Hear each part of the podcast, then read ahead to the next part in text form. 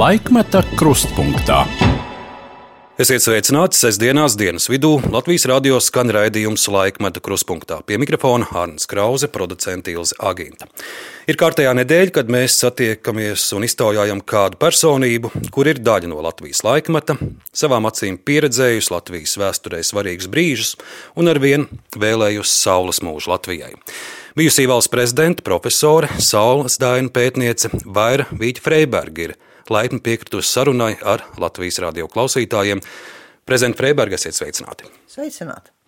Un man uzreiz ievadā jāsaka, ka šis raidījums būs savā ziņā izņēmums. Mēs sarunai uzrunājam cilvēkus, kuri reiz vai dienu bijuši radio mikrofonu vai televīzijas kameru priekšā, bet par kuriem pēdējos gados esam dzirdējuši mazāk.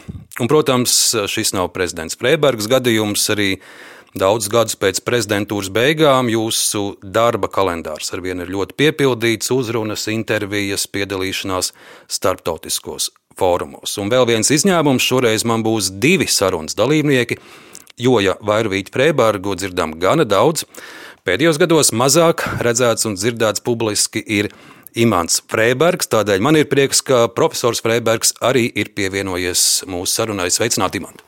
Sveicināti, klausītāji! Bet nemainīga būs mūsu tradīcija, ka mēs atrodam dažādas arhīvu liecības, un tās skanēs arī šodien. Dzirdēsim arī Vairu un Imantu Freibergus pirmajā dokumentētajā Latvijas radio ierakstā. Tas ir 1985. gads, un man būs interesanti redzēt jūsu reakciju, vai jūs paši atminat uh, toreiz teikto. Tāpat būs kāds fragments, kur mēs dzirdēsim Vairu Vīķi Freibergu runājam Krievu valodā. Un es sākšu ar jautājumu, kā jums šobrīd klājas. Mēs atrodamies jūsu lauku mājās, raugos pa logu, putniņš zied, pavasars ir klāt, un jau dobēs ir tādas dzeltenas puķis aplaukušas. Kas tās ir? Atraitnīts. Tās ir atraitnītas. Tās, kā varēja nepazīt?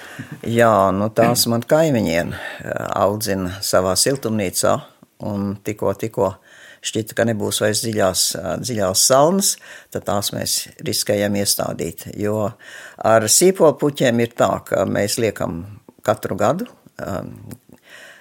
kaut kur atkal jaunus stādījumus, bet par cik kādā gadā nesam visas dobas piepildījuši, par tik arī dobēs nu, caurumi paliek. Bet mums tā platība ir diezgan liela, kā viens kaimiņu puisītis viendien teica, vairstant, kāpēc tev tik daudz puķis? tā kā pietiek jau ko acis pamielot, tā teikt. Pēdējās naktīs ļaudis laukos par salnām ir satraukušies. Nu jā, tā jau tā nelaime, ka daudz ko man ir, piemēram, no sēklām audzina samtens, un viņas man diezgan kupli aug zem lampām, un gribētos cerēt kaut kad maija mēnesī viņas izstādīt laukā, bet es šaubos ar šādu laiku, kāds ir aprīļa beigās, droši vien būs jāgaida līdz jūnijas sākumam, ja grib tā prātīgi. Bez puķu prieka, kā jums vēl šobrīd ir imantu klājas šeit? Imants rūpējās par visu, kas saistīts ar darāms pa datoru, ģimenes visu rēķinu un praktisko lietu kārtošanu, arī dzen atbild uz steidzamiem e-pastiem, jo nu, man asistenti ir Rīgā, pilī tajā birojā, un mums ar, ar Dainu sazināties iznāk tā nu, pastarpināta, kā saka, imantam zināmā mērā jāuzņemās ir mana sekretāra pienākumi. Un, un man ir ārkārtīgi daudz runāšanu. Man ir sēdes, paneļi, runas, uzrunas, sarunas un intervijas. Un katru nedēļu katru nedēļu ir dienas, kad ir divas, ir dienas, kad ir viena, ir dienas, kad ir trīs dažādi pasākumi pie datora. Un, nu, man tad sēdēšana kļūst grūta, man tas ir viens apgrūtinājums, kā runāt, mute darbu nepiekūst, bet, bet mugura darbu piekūst. Imants, nu mēs dzirdam, cik liels jūs esat atbalsts dzīves biedrē, bet noteikti ir pašam savi darbi, savi pienākumi. Nu, jā, protams, Es kaut kā neatceros, kad eh, būtu bijuši tādi momenti, ka nekas nav darāms. Un, eh, vai nu jā, jāiet pie datoriem, kaut kādi pārvaldības darbi mājai. Tā kā neviena īsti brīva brītiņa nav. Es vakarā labprāt gultā kaut ko palasu, kādu grāmatu, bet es vienu grāmatu sāku lasīt un kaut kā netiek uz priekšu, jo tikai palicis, ir jau pulkstens 11 un nu, drusku var vēl palasīt, bet tad, tad jau drīzāk jāgriež gaisma ārā un jātaisās uz gulēšanu. Imants, jūsu darba dzīve, jūsu zinātnieku mūžs ir bijis saistīts ar IT, ar datoru zinībām. Cik daudz vēl tam visam sakojat, jo, jo šī ir nozara, kas, kas mainās burtiski pa dienām? Jā, nu, es tai literatūrai sekoju, es abonēju joprojām tos žurnālus. Un uh, Es esmu arī Latvijas Universitātes informācijas tehnoloģija profesoru padomē, tā kā pa laikam tur kādam kādu apstiprina, mm. uh, jeb no jaunu pieņem kādus profesors. Tā kā tas, tas arī ir, bet uh, citādi jau nāk pašam visus, ko atklāt no jauna. Atkal kaut kādā lietotne, jauna lietotne, ka varētu noderēt. Tā jāskatās, vai viņi ņemt, neņemt. Nu, ja runājam par sociālajiem tīkliem, šīs nedēļas lielā ziņa, vai līdz, Jā.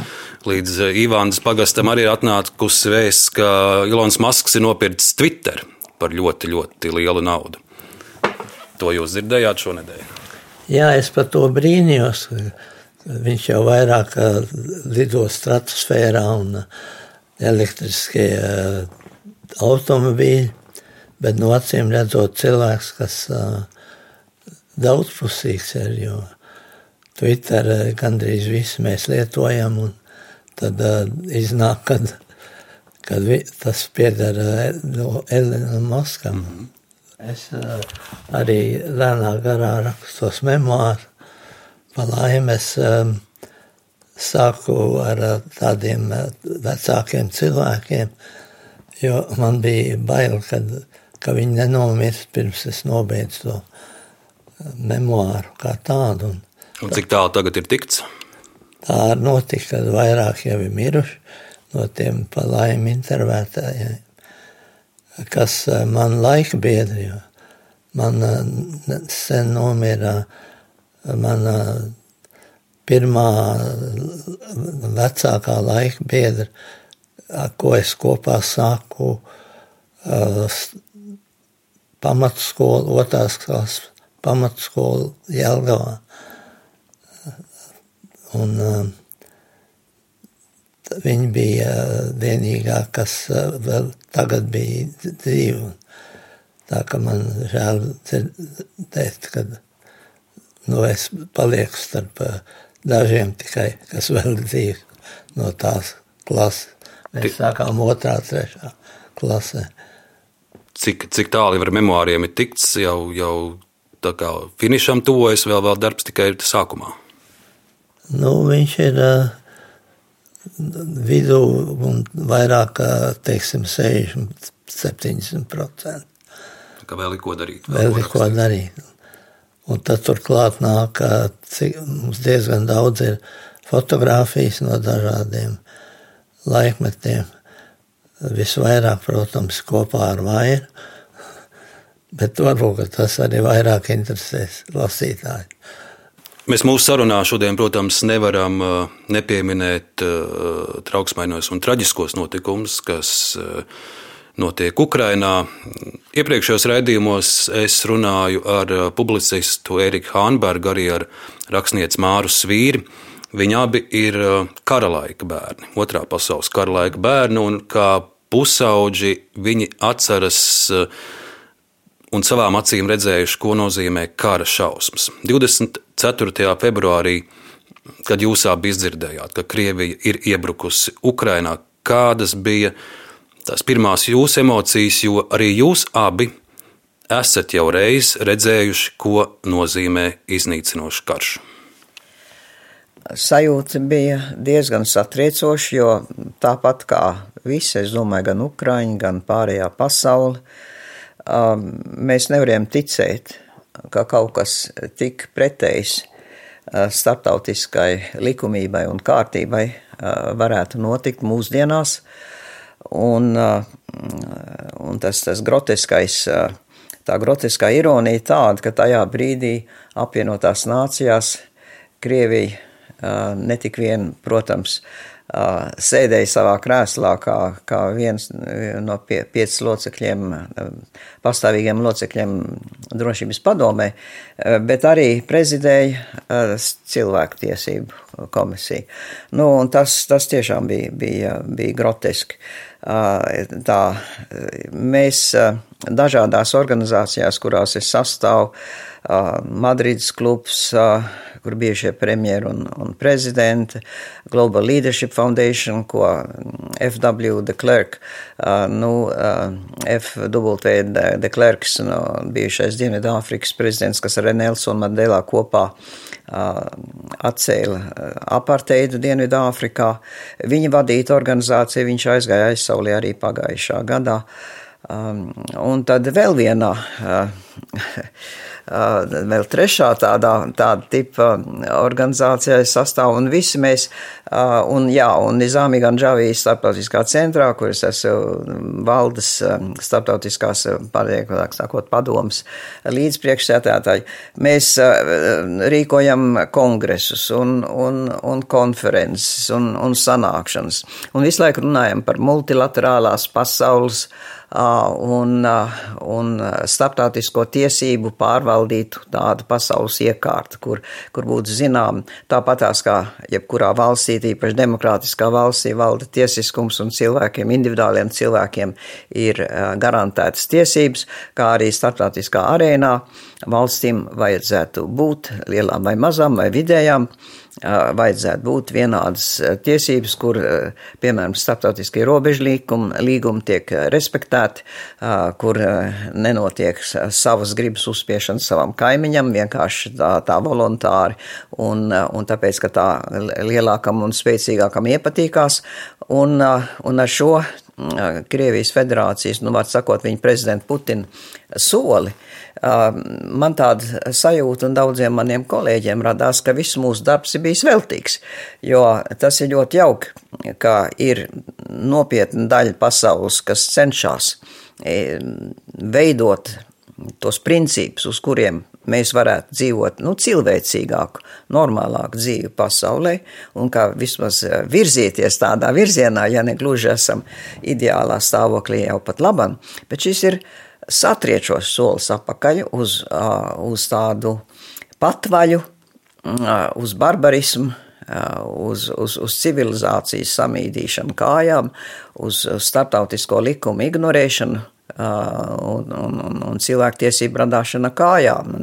Tur notiek kara noziegumi, noziegumi pret cilvēks, un, un būtībā ar vien vairāk top skaidrs, ka tas ir genocidāls. Uh, karš, kur tiek uzbrukts civilistiem vairāk nekā militāru personām.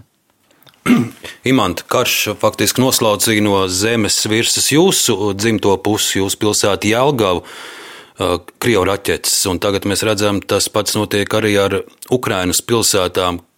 Kādas ir jūsu izjūtas, redzot video kadrus ar šīm šausmām, ko, ko Krievijas karavīri dara Ukrainā? Jā, Jā, tas atgādina bērnību, protams, jo, kā jūs teicāt, mēs Jāgavā bijām, kad notika tā lielā bumbošana 27. jūlijā 44. gadā. Un mēs tad tādā naktī atstājām māju, visapkārt arī skanēja trokšņi no bumbām un uh, šaudīšanos. Uh, šur tur deg mājas. Tā kā tas, tas tādas atmiņas uh, atdzīvināja, kas drusku arī tā kā baili palika, vai tie, es tagad esmu vecs cilvēks, un kad atkal jāsāk varbūt pakoties un kaut kur mukt vēlreiz, domāju, ka nē, to nu, to nu gan nevar. Un tad nāk prātā, kad 4.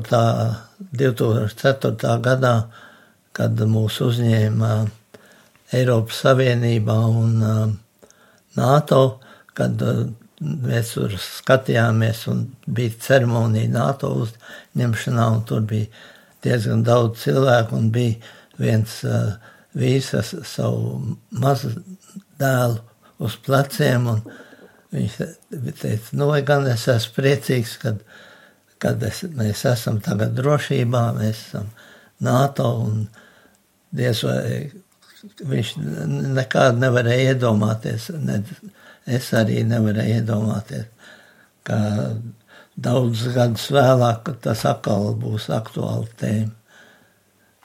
Par NATO kopš kara Ukrainā daudz ļaudis piemin, un varbūt eh, dažlaps tikai tagad tā īstam novērtē to, ka mēs esam NATO, ka mēs varam justies droši. Tur, protams, daudz ļaudis arī saka, ka liela pateicība ir Vārē Vītē Freibergai par mūsu nebūtu nevieglo ceļu uz NATO, un, protams, arī šajās dienās daudzi atmin un atceras, var teikt, pat jūsu leģendāro runu Prāgas samitā, kur blakus sēdēja daudzu rietumvalstu līderi un burtiski milzīgā klusumā klausījās katrā jūsu vārdā. Vai jūs pat arī šo savu runu ar vienu vēl atminat? Nu jā, jo tā bija tāda reize, ka es uh, nolēmu nolikt malā sagatavoto runu, ka parasti tādās starptautiskās oficiālās sanāksmēs uh, tiek rakstīta runa, kuras saskaņo arī ar ārlietu ministriju, protams, bet tā kā man jau bija vairāk kā skaidra mūsu, mūsu valsts pozīcija un, un vēlmes, es noklausīsies veselu virkni citu val, jauno dalību valstu prezidentu runas, es sāku vērot, ka tās runas ļoti atkārtojās.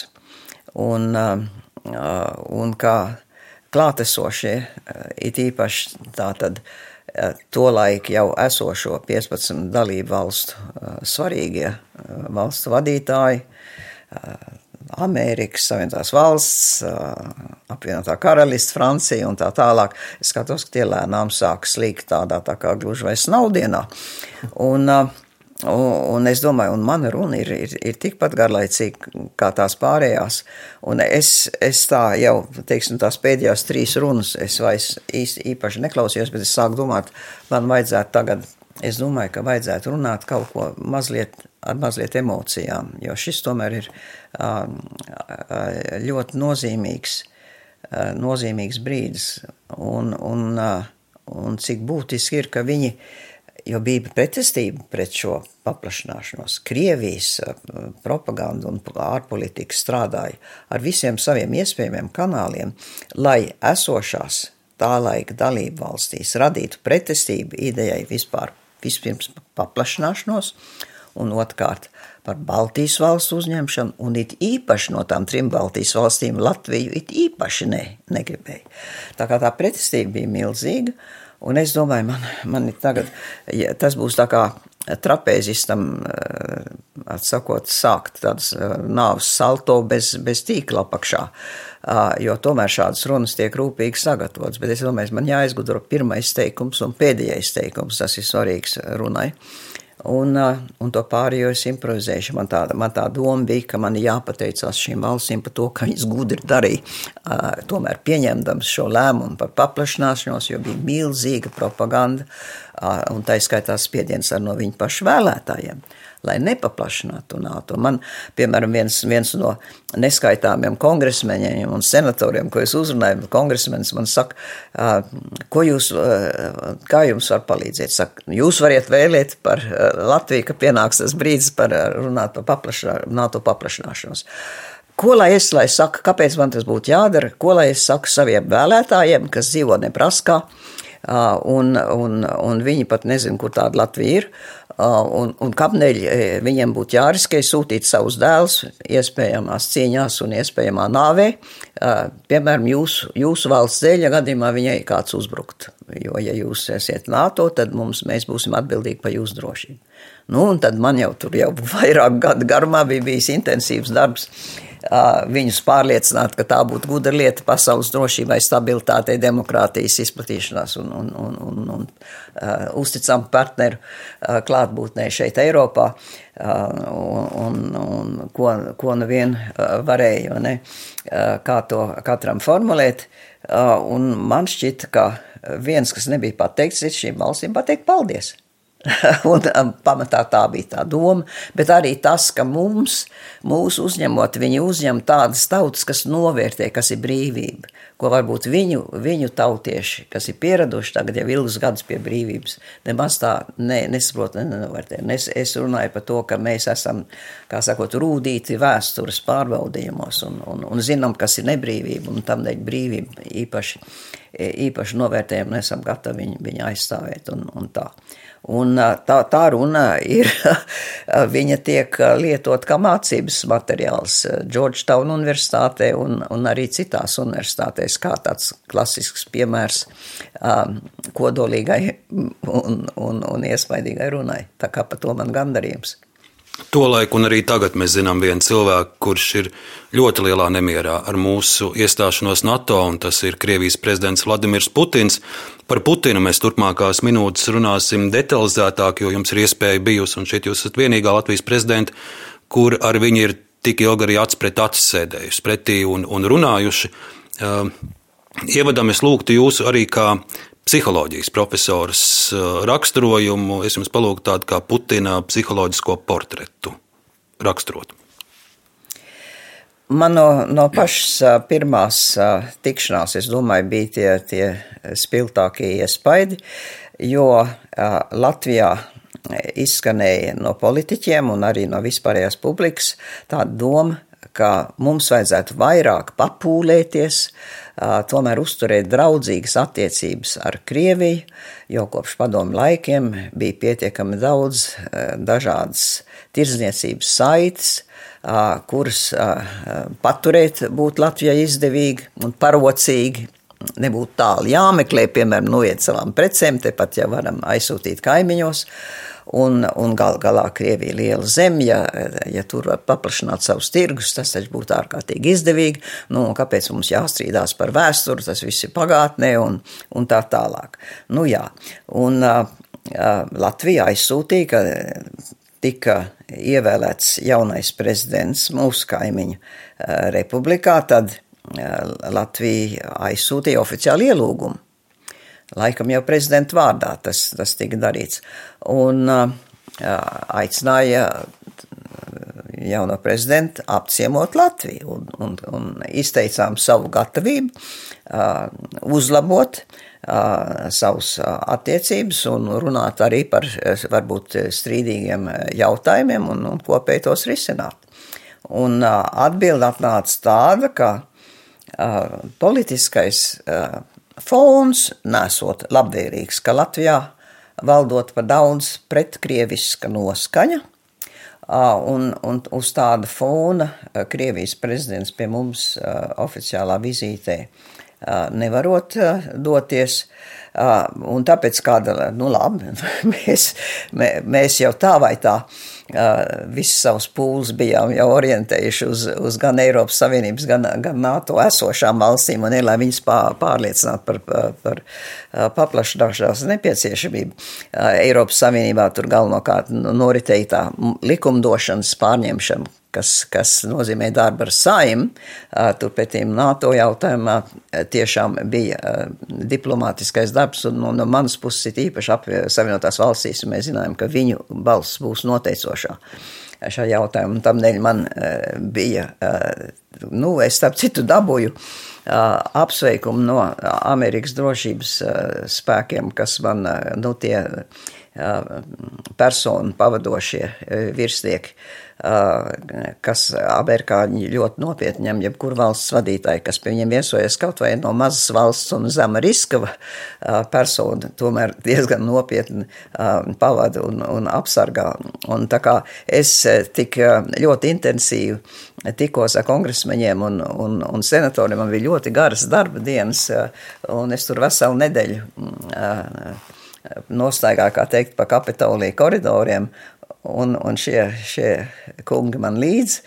Tā kā tās vizītes noslēgumā viņi, viņi man uzsauca tādu, kā sakot, šampāniešu glāzi un, un teica, ka jebkurā brīdī, kad es atgriežos Amerikā, viņi tieši personīgi vēlētos man to privilēģiju man pavadīt, jo viņi nesot redzējuši nevienu prof, vien, ne profesoru, nevienu prezidentu, kas tik ārkārtīgi smagi strādā priekš savas valsts interesēm, tik garas stundas un tik intensīvi un uzdāvināja man savu savu, savu piedarības nozīmī. Tā kā es par to jutos, es domāju, tie ir profesionāļi, kas ir redzējuši ļoti daudzus dažādu valstu prezidentus, un tas ir, vien, tas ir varētu teikt, manas, viens no manas dzīves vērtīgākām medaļām, ko es saņēmu šādā veidā. Un vēl paliekot pie prezidenta Putina, tātad viņš uz Rīgu atteicās braukt, bet jūsu tikšanās notika. Jūs satikāties 2001. gada 10. februārī Austrijā, Alpos, kalnos, tādā kā kalnu namiņā. Ja? Jā, Sankristofā mazā ciemā, kur prezidents Putins ar sievu un divām meitām bija ieradies baudīt slēpošanas priekus. Viss ciems, visas istabas, izīrējamās istabas un tā tālāk bija pilnas ar 117 viņu pavadošiem drošības virsniekiem. Um, viņš bija Austrijā tikko iegādājies trīs kaujas lidmašīnas no neitrālās Austrijas. Tā kā, kad ja mēs te redzam, kad ir liela vilcināšanās uh, gādāt Ukrainai lidmašīnas, man tas mazliet, mazliet uh, krem par to dzirdēt, jo es ļoti labi atceros, ka šajā reizē uh, Putins bija tieši no neitrāliem austriešiem trīs kaujas lidmašīnas tikko iegādājies. Bet tā, notika, tā tikšanās notika tādā veidā, ka tā nebija tā tad parastā bilaterālā Mm, vizīti, kur viens iet pie otru un, un, un, vice versa. Ja? Bet notiek tiešām burtiski ne uz neitrālas teritorijas, Austrija būdama neitrāla un, un privāti. Un privāti, un, un man, es tiku brīdināta, ka man viens drošībnieks tikai viens pats drīkst nākt līdzi. Uh, un, un gandrīz vai kā es, lai viena pati nāko. Protams, es nevarēju darīt, jo es, es aicināju tā tad uh, ārlietu ministrijas valsts sekretāru Māru Iekstiņu, lai viņš mani pavada, un, protams, uh, manas kancelejas vadītāju arī, arī Mārtiņu Bondaru un arī manu Krievu valodas tulku. Tā tad mēs, tā bija mūsu delegācija. Un es, es konstatēju, ka, jā, un bija norunāts, ka mēs, mums būs draudzīga tikšanās pie vakariņu galda, tāda pārunu un iepazīšanās, nekādus dokumentus, lai nesagārt, nav vajadzīgs ņemt līdzi. Dienas kārtību oficiāli mēs arī neuzstādīsim, tā būs vienkārši ļoti neformāla, spontāna, draudzīga iepazīšanās. Un, un mēs ierodamies tagad tur San Kristofu, un jā, mums sagaidām, ka iesim sēsties pie vakariņu galda, un mums tiek pazinots, ka vakariņas tomēr nebūs kopīgas, ka mums būs tikai sarunas. Nu labi, dodamies uz telpu, kur nosēžamies galda vienā pusē, un, un tagad nāk iekšā prezidents Putins ar saviem trīs pavadoņiem, nu tā, lai mums visi būtu viens pēc viena, ja? un, un ar veselu mapu ar papīriem. Un acīm redzot, ar priekšā viņam noliktu dienas kārtību oficiālo. Tā kā mans pirmais iespējas, absolūti pirmais, pirms vispār mēs bijām, kā sakot, labdien viens otram pateikuši, ka šeit ir cilvēks, kas netur vārdu, kuram nevar uzticēties, ja viņš kaut ko, ja kaut ko ir norunājis, viņam to, to nevar uzticēties, ka viņš to pildīs. Un tā tad, ka viņš ir liekulīgs, un, un tas apstiprinājās sekojošā sakojos sarunās, jo tajā sarunu pirmajā fāzē viņam bija tie dokumenti, ko viņš bija pamanījis līdzi, bija sūdzības par to, kā Latvija dara pāri saviem krievalodīgajiem iedzīvotājiem. Un cik, cik, cik katastrofāli un nožēlojami ir padomu savienības sabrukšana, cik, cik, cik traģiski ir tas, ka ir tagad robeža starp Latviju un Krieviju, ka tur ir vajadzīgas pases un vīzes, lai par viņām kustētos un tādā garā. Tātad no viņa viņš ieņēma tādu tā kā bargā onkuļa toni, kas rāja savu tā kā, um, teiksim, brāļa bērnu ne, uh, par nerātumu. Apmēram tādā tonī tas viss notika. Tā, viņš to bargo onkulu tai pirmajā daļā. Es, protams, ļauju viņam runāt mierīgi, lai viņš, viņš izklās visus savus bērnus, un, un tad, kad, jo ir ļoti īpatnēji, uh, rietumos uh, sarunas notiek, viens parunā kādu brītiņu, un otrs atbild. Viens parunā, un otrs. Viņš man tagad sāk stāstīt visu šito te rindā, Ja viņš atvilka elpu, tad es atbildēju tūliņ, ja nē, es gaidīju un pēc tam nobēru savus pretargumentus pēc tam. Bet ja? vai jūs šai sarunā arī sajūtāt viņa kā VDK virsnieka kvalifikāciju un, un, un skolu, kā čekista? Viņš, pagātne? viņš bija ieņēmis, es, es teiktu, ļoti uh, primitīvu būtībā, uh, primitīvu barga onkuļu nu, varētu teikt, tādu čekistu, kas tā kā saņēma kādu cietu, un tagad viņi pratinās. Ja? Bet es jau nebiju viņa cietumniece. To viņš varbūt, eh, viņš, viņš tādā stilā man runāja, kā viņš būtu čekis, kas iz, izvaicāja pilsoni, kas, kas ir saņemts ciet, kas Krievijā tagad notiek visiem tiem, kas pret, pieminam vārdu, jeb, jeb eh, pretojas karam. Un, un, protams, to es uzņēmu vienā vēsā mierā, tāpēc, kad es, es redzēju, ka viņš ir ieņēmis to bargā onkuļu pozu. Es, es jau arī varu būt, ja vajag dzels slēdī un ne pa jokam, ja, tā kā to viņš, to viņš manīja, ka viņa, viņa iebiedēšana īstenībā tālu viņa nekur nenovērt, bet, nu, tas te bija poza. Tad viņš, ka mums nu bija šī oficiālā daļa, tā kā no oficiālā, jā, kur viss šitie, tas tika tā kā pārnāts, Putins uzreiz saka tā, ziniet ko, mēs varētu vēl abi divi parunāties, viens pret vienu, acis pret aci, divi vienu un tos tie, tie pārējie, lai atstāja tās telpas, un mēs vēl pie tam aizjām tajā telpā kaut kur tāds, tāds sadalījums aiz tādiem tā kā aizskrib un ļoti intīmi, tā varētu teikt, ja tāda, tāda vide, un mēs tur nosiežamies tiešām acis pēc acis abi divi blakām. Jā, bet jūs jau varat vācu valodā nu, nu, sazināties. Ne? Tulki pazūd, jo visu laiku es runāju latviski, un, un man tika tulkots, un viņš runāja krieviski, un viņam tika tulkots, viņa, viņa tulks skaidrs, ka saprata latviski, un arī um, ne tikai tulkoja, kā nu bija. Uh, nu jā, un tagad mēs tur nosēžamies, un viņš sāk runāt vāciski. Un, sāk, un, un, un, viņa, uh, un viņš uh, momentā, kad mēs aizjām aizskrējam, viss cita pazūd, man ir pretī sēž cits cilvēks. Uh, Vārds sakot, viņš ir aizgriezis krānu tam margam onkulim, un tagad uzgriezis pogu, ja piespiedzis pogu tagad draudzīgam, draudzīgam Vladimiram. Vladimiram. Un ka mēs varētu tiešām īstenībā ir jau mums tā sasāpējušās vēstures uh, lietas un jautājumi, bet mēs jau varētu tomēr kā cilvēks pret cilvēku uh, uzturēt draudzīgas attiecības. Un, ja vispirms pie galda sēžot, viņš uz mani raudzījās ar tādām tā kā beigtas zivs acīm, tik, tik augstām tādām, tiešām tā, tādu atbaidoši sastingušu seju, tad šis pats cilvēks zibenīgi varēja, varēja piespiest pogu un uzlikt smaidošu seju ar mirdzošām acīm, raudzīties te virsū un, un ar lielu sirsnību teikt, mēs taču varam būt arī draugi un mēs varam arī, arī sarunāties. Es saku, protams, Latvijai nav nekādu nekāda naida pret, pret krieviem kā tautu. Mums ir naids pret to komunistisko sistēmu, kas bija, pret to, pret to okupāciju, pret tām pārstībām, bet pret krievu tautu mums naida nekāda nav. Un, un ar Krieviju tagad, ja, ja viņas īpaši, ja tā ir brīva un demokrātiska Krievija, tāpat kā brīva un demokrātiska Latvija, protams, ka mēs esam gatavi uz labām attiecībām. Un Freibergs kundze valsts prezidenta kancelējas arhīvā ir saglabājušās vairākas video liecības no šīs jūsu tikšanās 2001. gada 10. februārī. Vairākus fragmentus paklausīsimies, un es arī lūkšu tad uzreiz jūsu īsu komentāru. Pirmais fragments - tā ir jūsu kopīga iznākšana pie preses un kopīgs paziņojums medijiem uzreiz pēc tikšanās.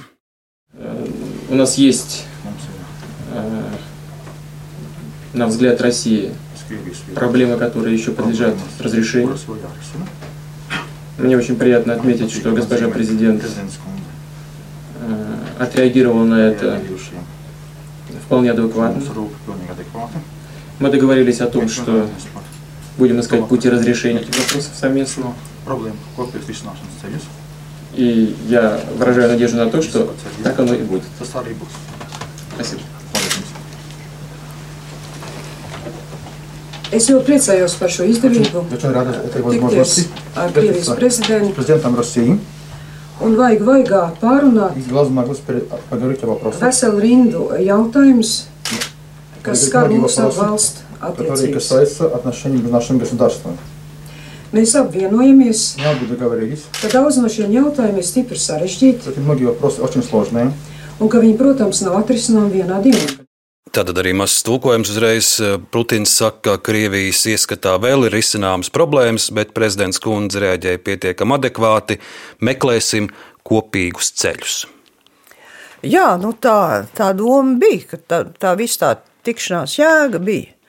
Kā man tika teikts, ka latviešu prezidents, nu, mans priekštecis Ulmaņkungs, ka nav pietiekami pūlējies, un ka vispār jaunai prezidentam būtu jāpūlās vairāk. Mums svarīgs kaimiņš ir Krievija, un kāpēc Latvija vairāk nepūlās, un kāpēc ārlietu ministrija vairāk nepūlās.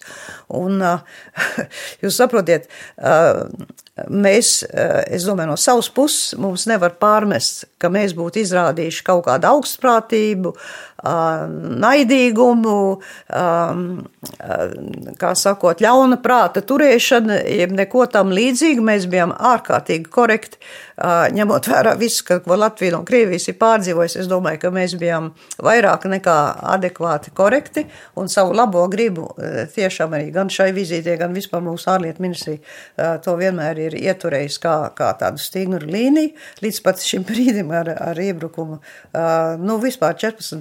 Gadu iebrukumu Ukrainā sākot. Un, ā, ā, tā kā, ā, bet ziniet, manās tajās visās organizācijās, kur mani kolēģi visu laiku grib runāt par multilaterālismu un diplomātijas svarīgumu, un arī ka tam krīzei Ukrainā risinājums var būt tikai diplomātiskā karā, jo karš ir šausmīgs, diplomātiskā veidā, jo karš ir šausmīgs un kaustēdīgs būt. Jūs saprotiet, dialogs ir iespējams tikai, ja divas puses gatavs runāt. Ja tev ir jāmet tā kā zirņus pēc siedas un viss, ko tu saki, atlec apakaļ, Un, un tas viens, tā kā, tā kā atsakot, gailis uh, laukos uz mēslu čupas uzkāp un dzied uh, un, un neklausās uz to, kas notiek visapkārt. Uh, un, protams, mums arī ir savas stingrās pozīcijas, kur mēs nevaram. Nu, mēs nevaram teikt, ka mēs esam gatavi tagad pielāgoties visām Krievijas prasībām, piemēram, dot brīvu pavalstiecību jebkuram, kas kādreiz kājas spērš šeit padomu laikā. Un nākamais fragments, kur es arī lūkšu jūs eh, pakomentēt. eh, Mūsu klausītāji tikai dzirdēs, bet mēs arī varēsim redzēt, tas ir mirklis, kad uh, tikšanās ir beigusies, Putins ir aizgājis. Es nezinu, vai jūs pati maz atceraties, ka tas tika arī nofilmēts, un var redzēt, ka jūs esat uh, nu, emocionāli sakāpināti, jo, protams, saruna ar Putinu tā nav gluži pasteigta pa parku, un, un tas ir mirklis pēc šīs sarunas, kur jūs ar, ar, ar saviem uh, kolēģiem, kas jums bija līdzi, dalāties tajās pirmajās emocijās pēc šīs sarunas. Paskatīsimies! Nu, mums arī klausītājiem jāpasaka, ka šeit bildē mēs redzam, ka Vērvīķa Freiberga paceļ konjaka glāzi un saskandina ar pārējiem. Šo mirkli atceraties? Nē, neatceros gan.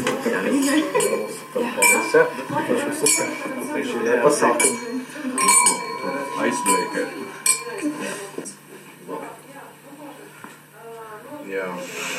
Un šeit mēs redzam brīdi, kad jūs visticamāk zvanat tā brīža ministra prezidentam, Bērziņam, un uh, stāstiet par šo tikšanos ar Putinu. Par vecākiem ļaudīm un viņu grūtībām.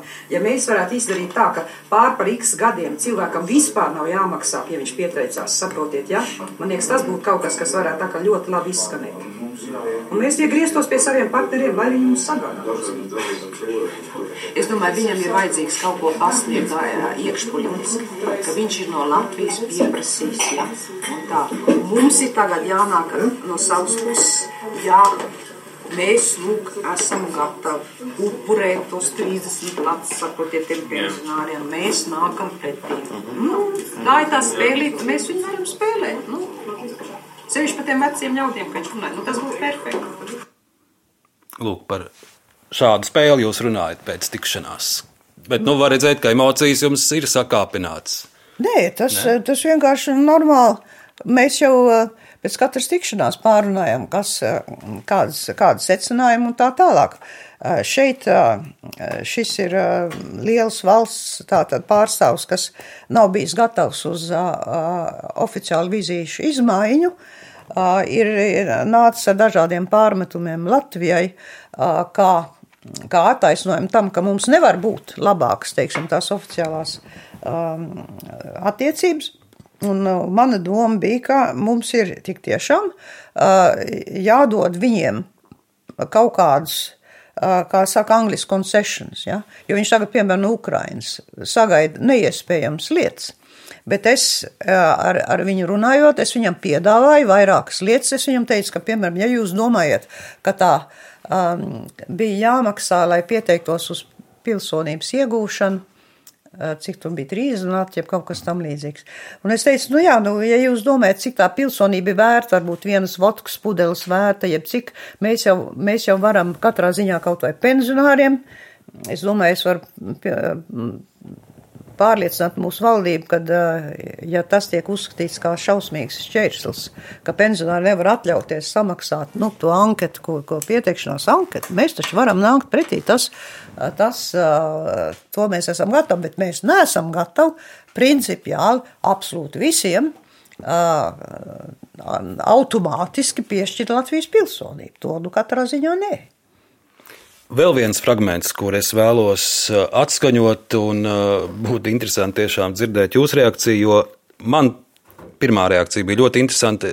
Tā bija pirmā reize, kad es dzirdēju, ka jūs esat runājusi arī krieviski. Uh, šobrīd, cevišķi pēc Ukrainas, Daudz tiek runāts, ka varbūt mēs pamaz esam uzrunājuši krievu ļaudis, par maz viņiem kaut ko skaidrojuši, par maz varbūt mēģinājuši sadraudzēties. Šeit arhīvā es atradu vienu piemēru, kur Latvijas prezidents sveic eh, Krievijas tautu jaunajā gadā un dara to krievu valodā. Maz fragments paklausīsimies. От всей души поздравляю с Новым годом президента России господина Путина и весь народ России. Желаю всем мира, здоровья, благополучия и очень надеюсь, что у наших стран светлое будущее. Будьте счастливы! Un uzreiz arī tulkojums no visas sirds eh, sveic prezidentu Putinu un visu Krievijas tautu vēl mieru un veselību. Un eh, ļoti ceru, ka mūsu tautām būs eh, labklājība, esiet laimīgi. Šāds apsveikums vai atminat, jo es neko tādu nekur nebiju redzējis. Tas varēs būt tūlīt pēc viņa ievēlēšanas. Es nezinu, tas, kur, kurā gadā tas būtu bijis. Es atceros, ka es vienreiz noskaitīju vienu dzējoli krievis, ka bija, ka bija jubileja Krievu teātrim.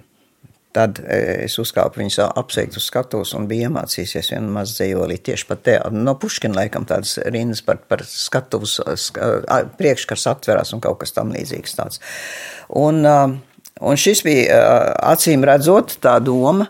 Tas turpinājās, kā es saku, bija, bija valdības un, un, un parlamentāriešu rindās, bija pietiekami Um, izplatīta tā doma, ka Latvija nav pietiekami centusies uh, izrādīt uh, savu, savu labo gribu. Šis arī bija viens no mēģinājumiem. Jā, tā kā parādīt, ka Latvija, jo, jo piemēram, um, tagad, kas izskan uh, no, no Putina komentāriem, ka visa pasaule ka pasaulē un NATO valstīs tiekot sludinātas pretkrieviskas noskaņas.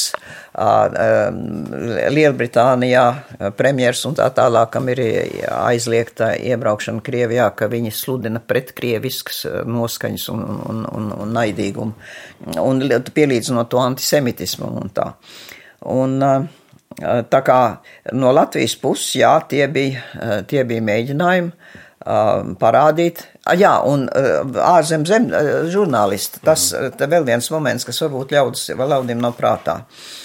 Ļoti daudzi tie pirmie ārzem žurnālisti, kas brauc pie manis kā jaunās prezidents, viņiem bija darba vieta Maskavā, lai, lai pārsaktu, kā saka, šo, šo reģionu vispār. Te, te, te viņiem pārstāv jau nebija kā maznozīmīgās zemēs.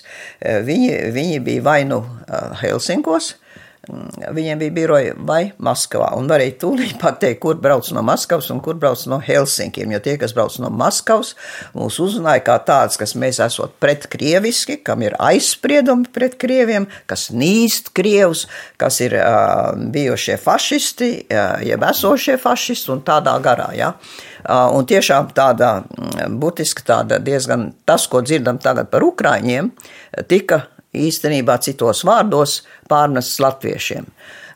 Un, un es, protams, sapratu, cik šāda retorika ir ne tik vien nepatīkama, bet bīstama.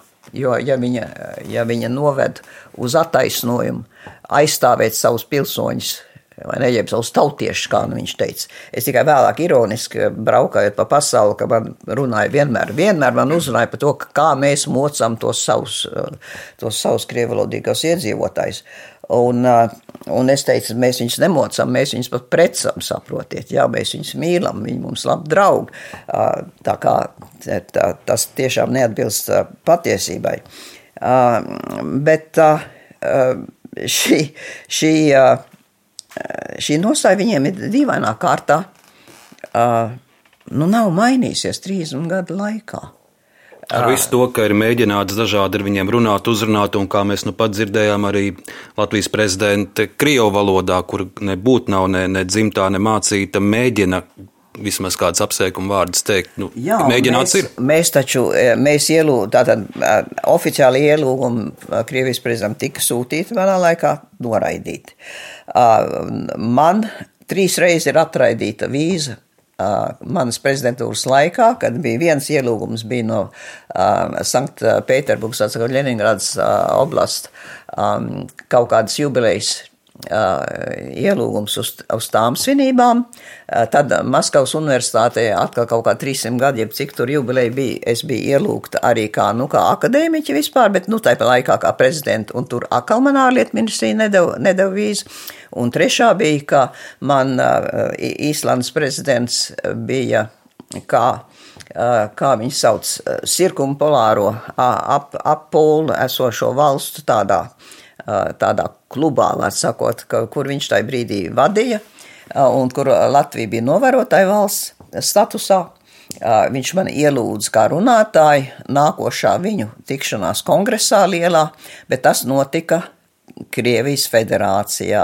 Un tātad es saņēmu ielūgumu no Īslandes prezidenta, es saņēmu ielūgumu kā, kā tā organizētāja, es saņēmu ielūgumu no vietējiem šīs tikšanās um, pārstāvjiem un pēc tam dabūju ziņu no Krievijas ārlietu ministrijas, kad ielūgums uz Krieviju drīkst sniegt tikai Krievijas, Krievijas ārlietu ministrija, un, un tā tad šis nav spēkā. Un mans varonis pēdiņās Īslandes prezidents man piezvanīja un teica, mīļā, mīļā kolēģi, Ziniet, nu, man ir ļoti nērti, kad es jūs tā uzlūdzu, un, un, un jūs bijat gatavi braukt un runāt, bet kā Krievija jums nedod vīzu, bet es ļoti gribētu lūgt, man, man negribētos izjaukt šo pasākumu, nu, gaisotni ar kaut kādām pretenzijām. Nu, mēs tā ļoti cedamies tās valstis, ka, kas kā nekā tur apkārt ap to polu mums geogrāfiski atrodamies, gribētos nu, tā draudzīgi sadraudzēties, nu, un tad, ka viņiem ir kaut kā kādas pretenzijas pret jums. Nu, man par to ļoti žēl, bet nu, jūs jau kā nekā neesiet jau pati tāda. Nu, polāra valsts tā vai tā, un vai jūs būtu tik labi un šo publiski nepaziņot šo incidentu. Tā kā es tagad pēc daudziem gadiem jums to pastāstu, bet es tiešām klausīju šim zaķu pastalam un viņa lūgumam, un, un uh, es domāju, nu štruns ar viņiem, lai mēs jau neesam mm -hmm. poli, ne cirkumpolāra pola dalībnieki. Uh, kas par to? Un, protams, tās cits reizes, ka es biju Krievijā, tie bija startautiski pasākumi, un kuros, jā, es dabūju tikties un runāties arī ar. Arī 9. maijs.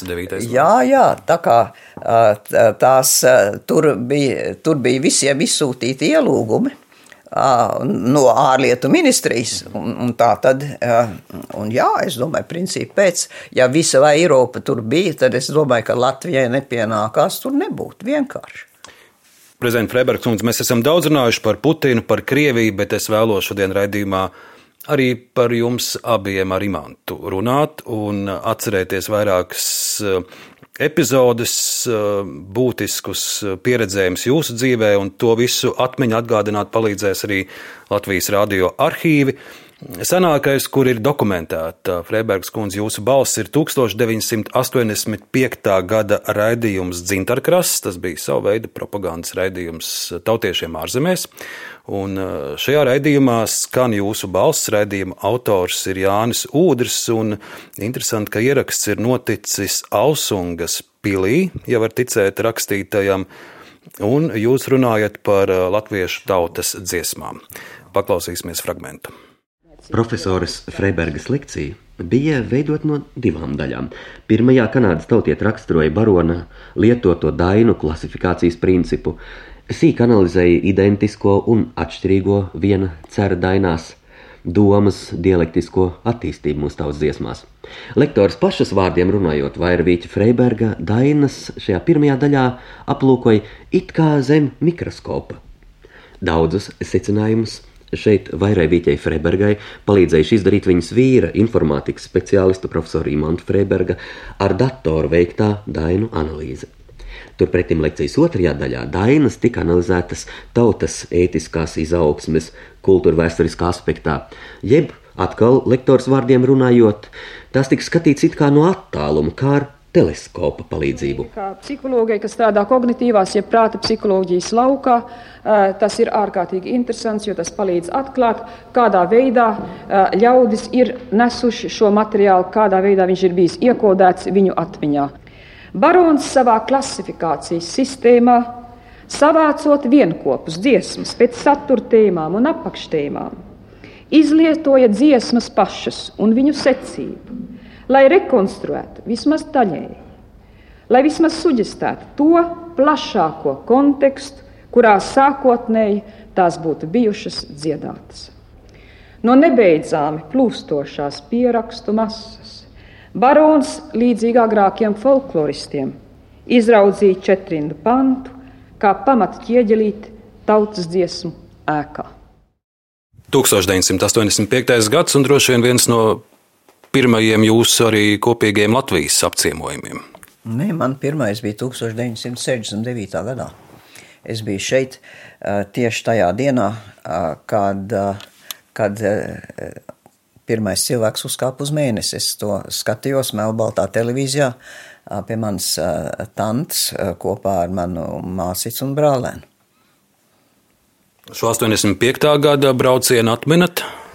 Es, es atminu, ka es biju pēc tam vēl, tas, tas pirmais bija pēc Monreālas ekspo, kur mēs tikāmies ar, ar Latvijas, nu, padomu Latvijas pārstāvjiem, jau saņēmām tādu tā kā mutiskie ielūgumi no, no akadēmijas. Man bija 69. gadā bija Vispasaules psihologu kongress Londonā, un es, es aizrakstīju uz akadēmiju un teicu, ja, ja es varu braukt pēc tam uz Latviju. Es labprāt to darītu un labprāt redzētu baronu Dainu skapu un, un tam līdzīgi. Toreiz viena pati biju. 73. gadā mēs bijām visa ģimene, Imants un es un mani, mūsu divi bērni. Un tad man, man iecēla kā Kanādas pārstāvu vienā no NATO zinātniskās programmas paneļiem, kurā es, es, savulaik arī vadīju.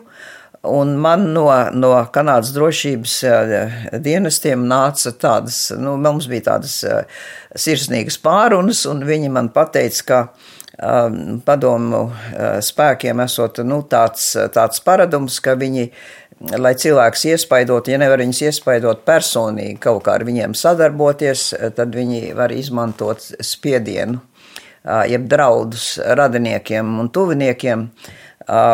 Un, bet arī viņi īstenībā, ja es, ja es brauktu uz, uz, uz, uz Latviju un tā tad šobrīd padomu teritoriju, ja viņi man arestētu un kaut kas ar mani notiktu, Kanāda nebūtu spējīga neko darīt, lai mani aizstāvētu, lai mani glābtu.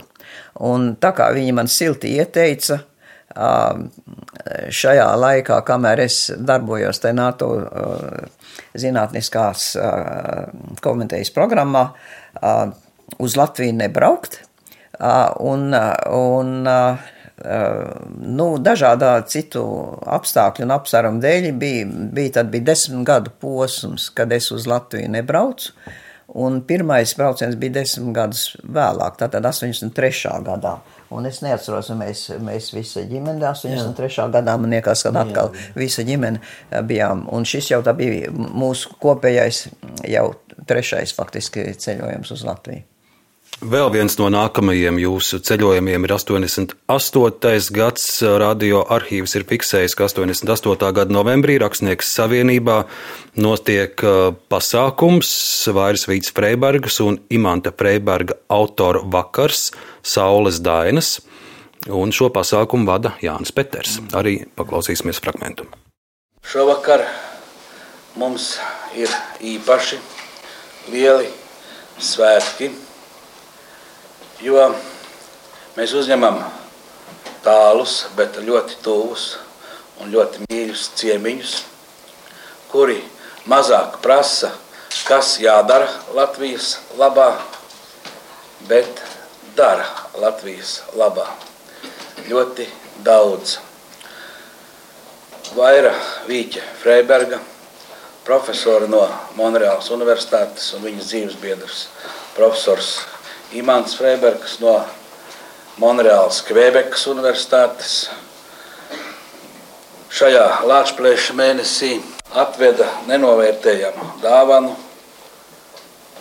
latviešu kultūrai, visai latviešu tautai, materializētā veidā. Tā izskatās tā, un uz šīs grāmatas ir rakstīts Saules Dainis, kā jūs redzat. Tā arī sauc mūsu šī vakara sarīkojumu, kurš patiesībā uzskatāms par Vairas Vīķis Freibergas un Imanta Freiberga autoru vakaru. Cienījamie tautieši, folkloras mīļotāji, šovasar Monreālā iznāca Saules Dainis, kas ir vairāk nekā 15 gadu darba rezultāts. Šī grāmata satur 3652 drukātus dainu tekstus, kuros minēts vārds saule. Tad vēl bez tam ir arī duplikāts sarakstā vēl kādas 475 dziesmas. Tātad kopā mēs šeit runājam pār par 4000 tautas dziesmām par sauli. Tā tad nu būtu apmēram tāda plašākā izlase par vienu tēmu. Saules dainas ir arī pieejams uz disketēm, mikrodatoru lietotājiem ar atsevišķām atgūs un apstrādes programmām. Tātad katrs var pats pēc savas patiks patiesībā darīt ar viņām, ko grib. Un, ja viņš nav apmierināts ar, ar tādu sakārtojumu, kā mēs esam, piemēram, šeit veikuši, tad viņš var pats to mainīt pēc savas patiks. Kādēļ tieši varbūt saules dainas? Mūsu tāds ilgtermiņa mērķis būtu, kad vispārīgi rietumu pasaulē dainas tiktu vairāk pazīstams un iepazīt iepazīstināt viņus ar dainu un mūsu tautas un kultūra vēsturisko vērtību. Un bez tam eh, mums pašiem sauli interesē sevišķi vairāk, jo tas latviešu tradīcijai dziļi izjusts un daudznozīmīgs jēdziens. Piemēram, eh, kā jūs zināt, agrāk karavīriem bija saulīts pie cepuriem. Piemēram. Saules dainas nāk atpakaļ Rīgā. Saules dainas nāk atpakaļ Latvijā. Man šķiet, ka vispār par Latviju tagad ir kāda jauna saule uzaususi. Fiziski pat labi ir mums rudens saules grieži. Garīgi mēs esam citā gada laikā. Garīgi latviešu tauta pat labi aizlidos citā orbitā. Garīgi mums tagad ir nācis Rīgas pavasaris. Un šis pavasaris nāk ar urdziņām, ar straumēm, kas sāk tecēt atpakaļ uz Latviju no visām pasaules malām.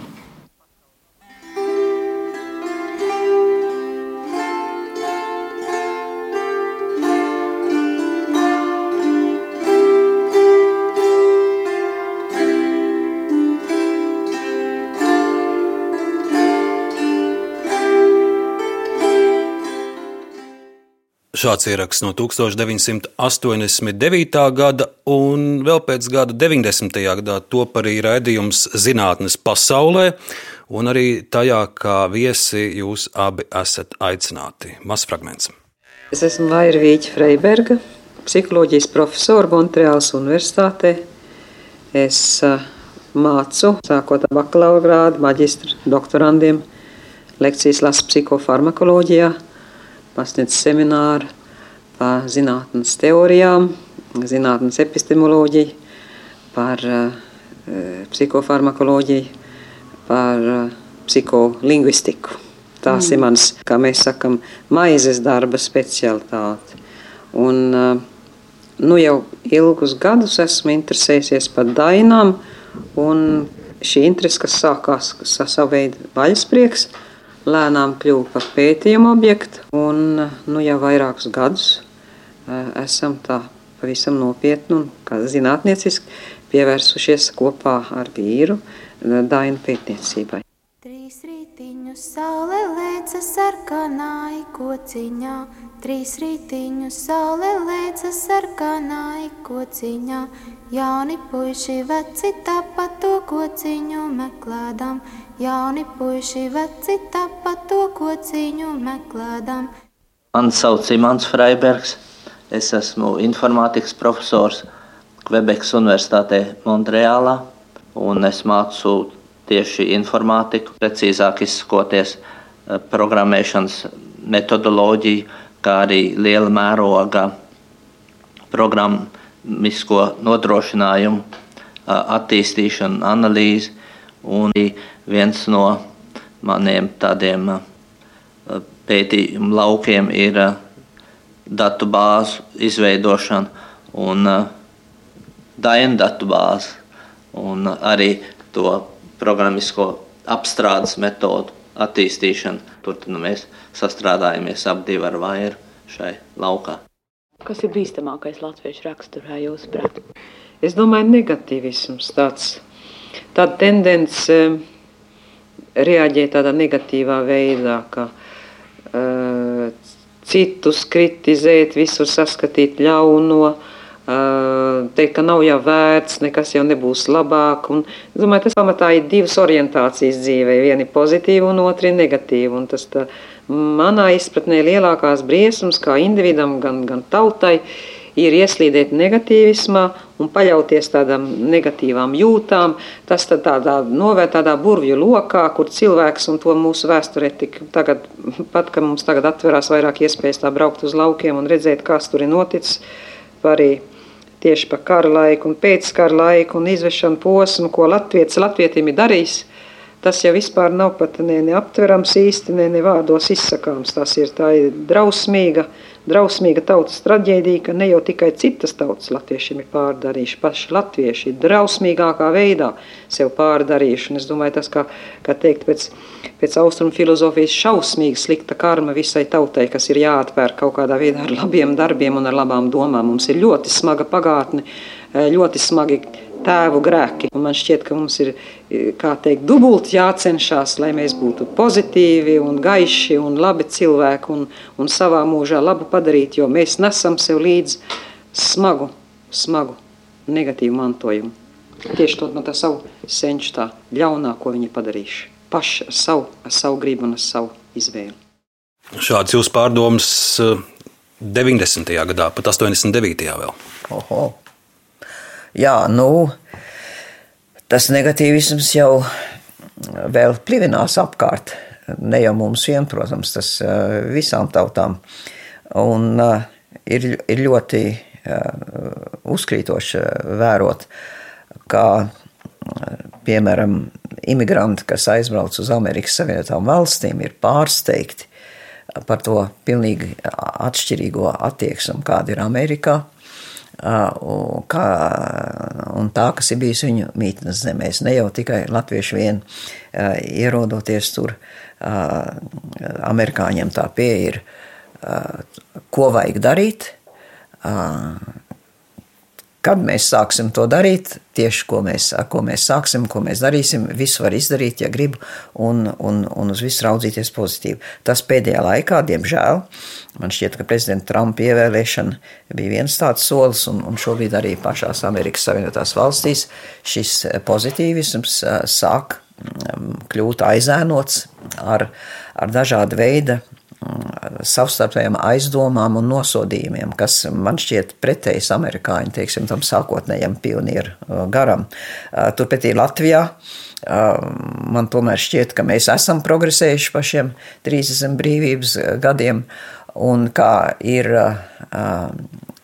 es teiktu, tas tautā pozitīvi domājošu cilvēku skaits ir noteikti, noteikti lielāks nekā viņš bija 80. gadu beigās. Kaut gan toreiz bija tā, tā romantiskā aizraušanās un, un, tā, un tā tieksme pēc brīvības, ko visi atcerās un saka, nekad vairs tā nebūs un, un, un ko nebūt.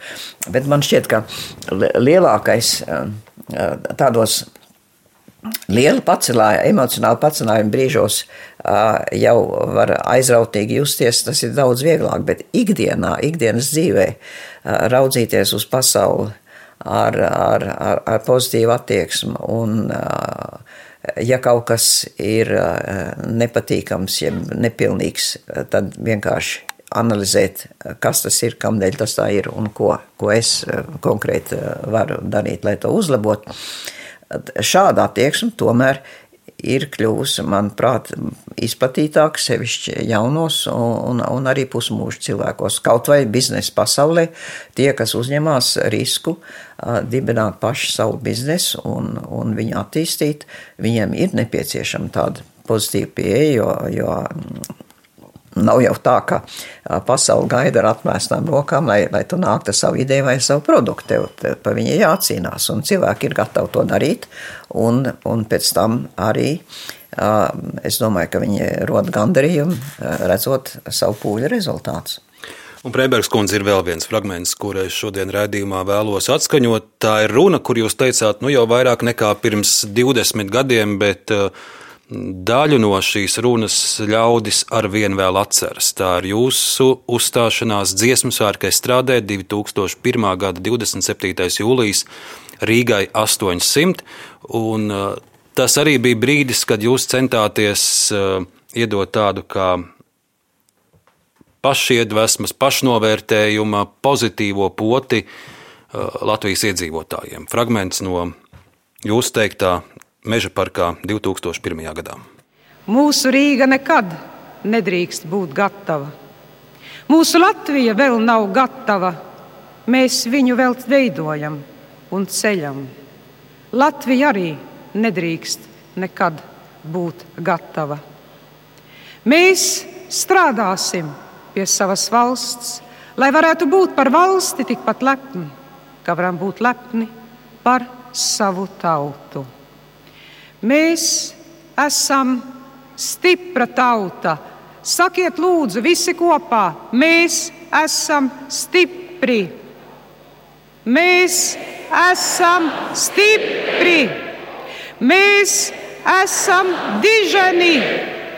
Mēs esam diženi. Mēs esam diženi. Mēs esam diženi. Mēs esam dižani, mēs esam ražani, mēs esam ražani, mēs esam skaisti, mēs esam skaisti, mēs esam skaisti. Nu, Lūk, mēs dzirdam, ka sākumā ļaudis meža parkā var būt tā kā pat ir samulsuši uz jūsu pirmajiem aicinājumiem, bet tad šis kopkoris kļūst ar vien skaļāks, ar vien pārliecinātāks un, un pievienojas jums. Jā, un uh, redziet, uh, tā dīvainā lieta ir, ka šāda veida uh, pašiedvesmu mēs atrodam Latviju dainās uz katru soļu. Es biju puisis, man bija vara, es varēju dižodnoties un kā, kā tur visādīgi. Un, un Rīgu sit padusē un Jelgaviņu pie cepurs un, un, un tādā garā. Bet tie bija ļaudis, kas dzīvoja dzimta būšanas apstākļos, kas šādas dziesmas dziedāja. Un ja viņi varēja, viņi varēja saglabāt savu pašcieņu un uh, uh, savu integritāti, te man jālieto svešvārds, jo es nezinu latviešu, kā to labāk izteikt. Tā, to, to pašvērtību katram individam, katram cilvēkam ir no dzimšanas dievu dot uh, integritāte, viņa, viņa pašvērtība, uh, viņa nav jāpierāda, jānopērk, uh, jāizrāda, uh, viņa vienkārši ir. Tā tas ir ar cilvēktiesībām, uz to ir bāzēts viss humanisms un cilvēktiesību principi.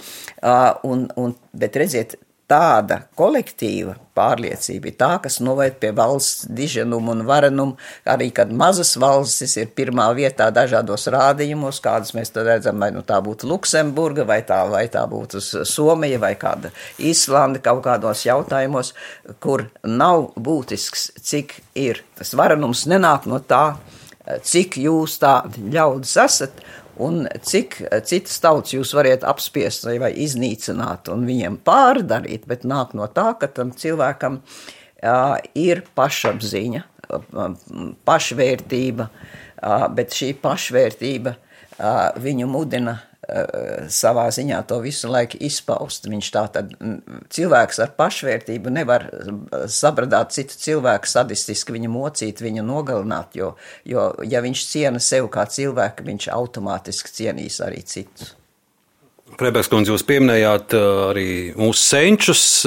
Es vēlos šodien sarunā pieminēt arī jūsu abu senčus, jo mēs raidījumā dažkārt ar saviem viesiem arī pārlapojam arhīvu, baznīcas arhīvu lapus un, un, un Es mēģinu saviem raidījuma viesiem arī kādu pārsteigumu par viņu senču līniju atrast. Es zinu, ka jūsu senči un jūsu koks un arī jūsu dēls Kārlis ir ir pētījis jūsu senčus, bet es pieļauju, ka nebūtu vēl ne viss nav izpētīts. Un šodienas raidījumā es vēlos pateicībā par mūsu sarunu tādu mazu, mazu, mazu jūsu senču dokumentālu liecību parādīt. Šis Freibergs kundze ir pa jūsu vīķu līniju.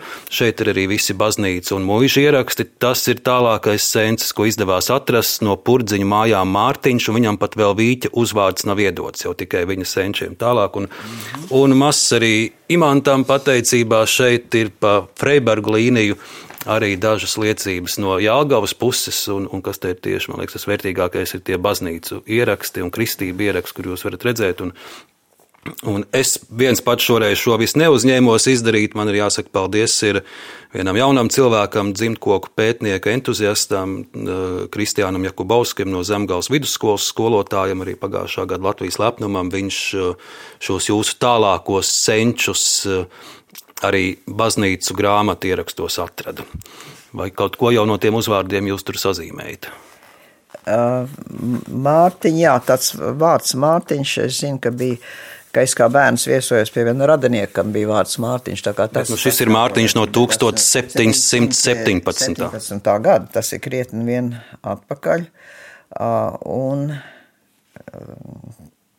tad parādās vārds Jēkabs, Dāvids, Kaspars, tie tādi ļoti latviski vārdi. Īsi sakot, jums būs ko papētīt un varbūt arī pie memoāriem vēl pievienot jā, klāt. Un, un Dāvids Vīķis, apacēlīs, bet Bērķi, jā, jā, tā ir mana vecvecmāte, man liekas, ja nemaldos. Tā arī ir. Tā jā, ir. Mm -hmm. es viņu atceros. Viņa gulēja lielā tādā tumšā ozolkoka gultā ar uz stērķelētiem izšūtiem spilveniem, un, un varēja redzēt, ka viņas, viņas pēdējās dienas tuvojās, bet bija tāda diezgan šarpa un, un valdonīga sieviete, cik es viņu atceros kā mazs bērns. Kad mēs sākām mūsu sarunu, aiz loga bija diezgan satums un mākoņains. Es tagad raugos uzspīd pavasara saule. Un cerēsim, ka neraugoties to, kas notiek apkārt, mums priekšā būs saulains dienas. Lai Dievs dod, ka tā būtu. Vairvīķa Freiberga un Imants Freibergs, liels paldies jums par šodienas sarunu. Bija prieks sarunāties. Raidījuma autors Arnēs Krause, producents Ilza Aginta par skaņu rūpējās Reinis Budze. Paldies un turpiniet klausīties Latvijas radio.